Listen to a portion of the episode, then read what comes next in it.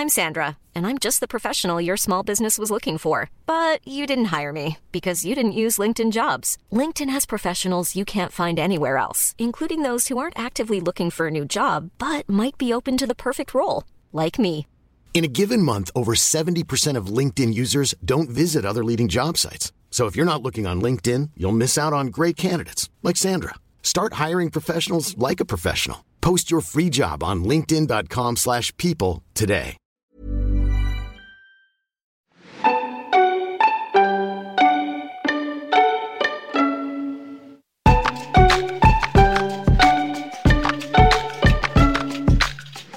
Och välkommen ska det vara till Så blir du f***ing influencer med mig, Emil Norberg. Det här är ett sånt här lite kortare avsnitt som jag kallar för utvecklingssamtalet, där jag helt enkelt går igenom vad vi lärde oss under förra veckan. Då pratade jag med Margot och hon hade massa smarta tips. Jag kommer också berätta hur jag själv har använt mig av Margaux tips i veckan och slutligen avslöja hur det har gått för mig, alltså om jag har kommit någon närmare på vägen att bli en fucking influencer.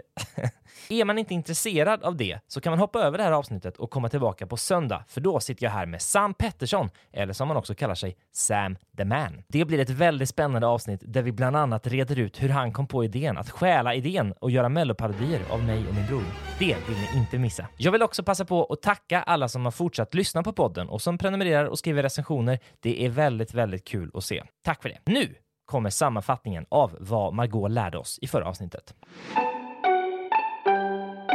Margot berättade bland annat att hennes första steg in i den här branschen var att försöka lära känna lite folk i den. Och i hennes fall så innebar det att hon sökte ett jobb. Ja, hur ska man använda det här tipset då? Ja, men för min egen del så har jag ju redan en del kontakter, men jag har varit väldigt dålig på att använda dem. Så den här veckan har jag försökt att göra det. Till exempel så gjorde jag någonting som jag hade tänkt göra väldigt länge. Jag eh, bjöd in en tjej som heter Isabella Borowska. Hon är chefredaktör för tidningen Influence.se eh, och jag bjöd in henne hit till just den här podden. Eh, och det blev ett väldigt intressant avsnitt. Det kommer komma lite längre fram i höst, men det här samtalet ledde också till något väldigt oväntat, nämligen att hon sen då kom att tänka på mig när hon behövde en programledare till ett stort event som hon skulle hålla i. Ja, så jag fick det jobbet. Så jag fick stå där på scenen på en jättestor gala och träffa massa intressanta och viktiga människor i influencer marketingbranschen och då faktiskt skapa ännu fler nya kontakter som jag så småningom ska höra av mig till.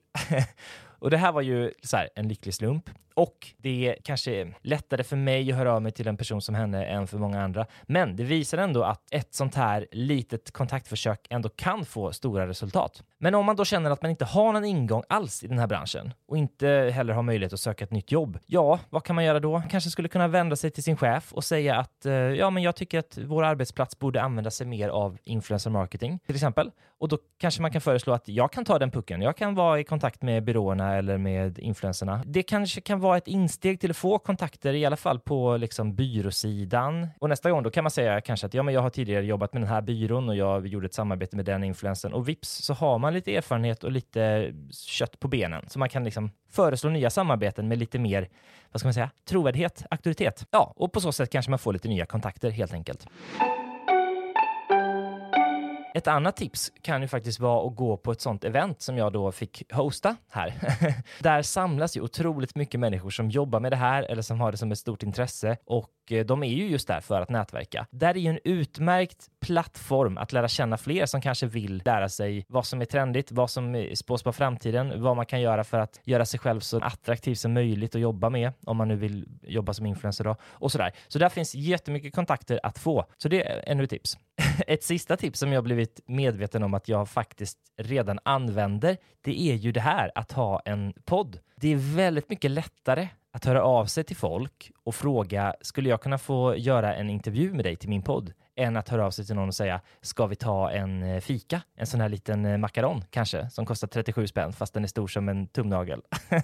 För att då har man liksom en ursäkt eller ja, ett bra skäl att höra av sig i alla fall utan att vara påträngande. Alltså det har jag inte tänkt medvetet på. Men jag har märkt att jag är mycket mindre rädd för att kontakta folk nu när jag har den här ursäkten än vad jag annars hade varit.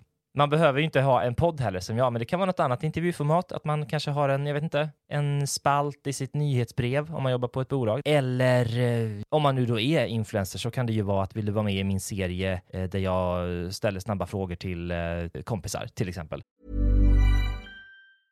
Hey, I'm Ryan Reynolds. Recently, I asked Mint Mobile's legal team if big wireless companies are allowed to raise prices due to inflation. They said yes. And then when I asked if raising prices technically violates those onerous two year contracts, they said, What the f are you talking about, you insane Hollywood ass? F- So to recap, we're cutting the price of Mint Unlimited from $30 a month to just $15 a month. Give it a try at mintmobile.com slash switch. $45 upfront for three months plus taxes and fees. Promo rate for new customers for limited time. Unlimited more than 40 gigabytes per month. Slows. Full terms at mintmobile.com. Hiring for your small business? If you're not looking for professionals on LinkedIn, you're looking in the wrong place. That's like looking for your car keys in a fish tank.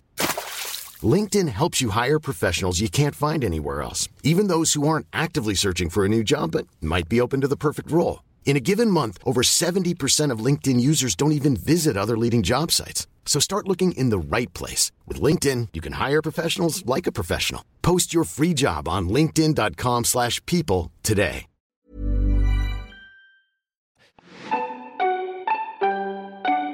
En annan sak som Margot sa var liksom ett skäl att hon har lyckats så bra var att hon har kunnat ta hjälp. Redan från start så tog hon hjälp med att klippa videos. För hon visste inte hur man gjorde och hon ville bara filma, filma, filma. Och då inte ta tid från filmandet med att behöva lära sig klippa. Och det här är också ett sånt typiskt fel som jag har gjort alltid i alla år, att man ska göra allting själv. Rigga studion, lära mig kameran, klippa och redigera och sen i början också skulle jag göra all bokföring och skriva avtal och kontrakt själv och sådär. Och det kan ju ibland vara kul och lärorikt att få göra massa olika saker, men det kan ju också leda till att man lägger tiden på fel grejer. Att man liksom inser i slutet av en dag att oj, idag har jag bara liksom sorterat mejlen och häftat kvitton på A4-papper när man istället kanske borde ha filmat någonting eller fotat någonting någonting eller spelat in den där podden som man borde ha gjort. Och som Margot sa, klippningen är ju en sån flaskhals lite grann, för det tar väldigt mycket tid och det är också lätt att man kanske lägger lite för mycket tid på det, för det är lite bekvämt att sitta där vid datorn och lägga på ljudeffekter och roligt. Liksom. Man kan helt enkelt inte vara hur produktiv som helst om man ska liksom filma dag ett och sen klippa hela dag två. Då går ju dag två just åt att klippa istället för att filma fler videos. Och lite som vi pratade om i förra utvecklingssamtalet så är ju ett sätt att bli bättre på det här, det är ju att filma flera saker när man väl filmar och sen klippa flera saker när man väl sitter där och klipper.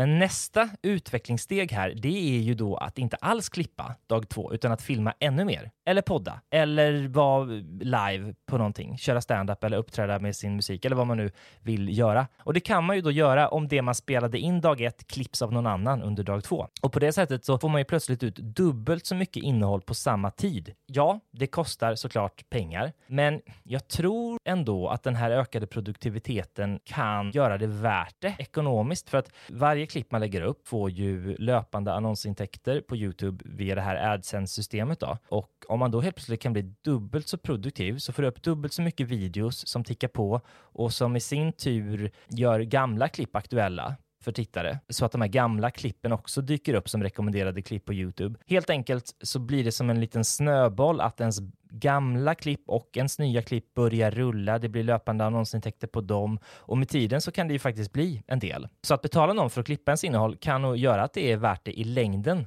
Sen är det såklart en kostnad som inte alla kan ta eller som man inte heller kanske vill ta för man tycker det är kul att klippa. Då ska man kanske inte göra det. Men jag tror att det kan vara värt att experimentera med det eller räkna på det i alla fall. Men jag skulle gissa att den ökade produktiviteten betalar tillbaka sig ganska, ganska snabbt ändå faktiskt. Jag tror också att det här skulle kunna vara skillnaden på att en kanal fortsätter växa när den väl blivit stor och att den stagnerar. Ni vet, man kan liksom inte lägga ut mer innehåll om man redan lägger hela sin tid på att filma och klippa. Men om man då tar in någon, ja då kan man kanske lägga ut mer.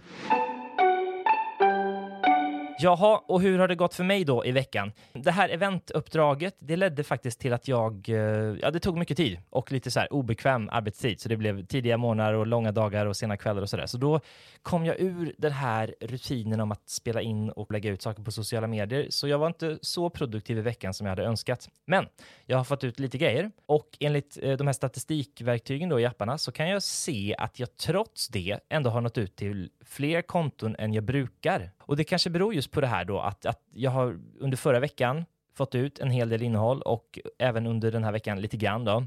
Så att det finns ganska mycket hyfsat nytt innehåll som puttrar upp här och där på folks konton på TikTok och på Instagram. Eh, och det visar ju också det här som vi pratade om tidigare, att det kan vara värt ibland att ha en högre produktion så att liksom de gamla klippen ger nya likes. Och det är faktiskt en väldigt bra insikt som jag har fått att ja, men så funkar det ju verkligen.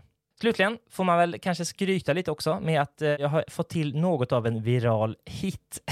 För jag gjorde nämligen en, eh, en sketch där mitt barn, min bebis, låtsas sova, men sen så när jag går därifrån så slår han upp ögonen, smyger iväg och tjuvkopplar barnvagnen och åker iväg på en egen liten åktur. Och den har faktiskt fått, jag tror att det är 350 000 visningar nu på Facebook och Instagram, så den har ju gått superbra och det är väldigt kul. Sen har jag också sett det att jag inte har förlorat följare på Instagram. Det nämnde jag ju eh, förra gången att jag har brukat göra det varje månad. Men det har jag inte gjort den här veckan heller. Så det är väl någon slags netto plus minus noll att jag inte har gått back. Det är bra. Även på TikTok så har jag fått fler följare och eh, fått eh, fler views och allting går, ja, bättre än föregående perioder där, så det är också bra. Och det är av samma skäl tror jag att mina klipp från förra veckan fortfarande anses vara relevanta för folk och dyker upp. Förvisningarna tickar upp på dem och eh, kommentarerna haglar in. Nåja, nu är det nog om mig. Och jag ska passa på att säga det också att ni kanske inte vill höra de här avsnitten. Jag hade inte tänkt att spela in sådana, men sen så kände jag när jag hade släppt de första avsnitten att om jag hade börjat lyssna på en sån här podd, då är man ju lite nyfiken på om tipsen funkar och då tänker jag att jag kan använda mig själv som något av en försökspilot. Vad heter det? Eh, labbrotta Men om ni inte tycker att de tillför så mycket så ska jag sluta med det. Då får jag också en ledig eftermiddag i veckan och göra någonting annat på. Eh, så det vore bra att känna till. Om ni som lyssnar har några frågor eller funderingar så kan ni ställa dem till mig. Ni kan skicka dem till mig vart som helst egentligen på sociala medier. Jag heter Emil Norbergs på alla plattformar. Tack så mycket för att ni har lyssnat och ha nu en fantastisk vecka. I nästa avsnitt träffar jag Sam Pettersson, eller Sam the Man som han också kallas. Han berättar om hur han stal idén att göra parodier på Melodifestivalen från mig och min bror och hur han därefter blev en av Sveriges största TikTokare. Vi reder ut det här och mycket annat i nästa avsnitt. Det här blev väl jättebra. Planning for your next trip? Elevate your travel style with Quince. Quince has all the jet setting essentials you'll want for your next getaway, like European linen, premium luggage options, buttery soft Italian leather bags, and so much more. And is all priced at 50 to 80% less than similar brands. Plus, Quince only works with factories that use safe and ethical manufacturing practices. Pack your bags with high-quality essentials you'll be wearing for vacations to come with Quince. Go to quince.com/pack for free shipping and 365-day returns.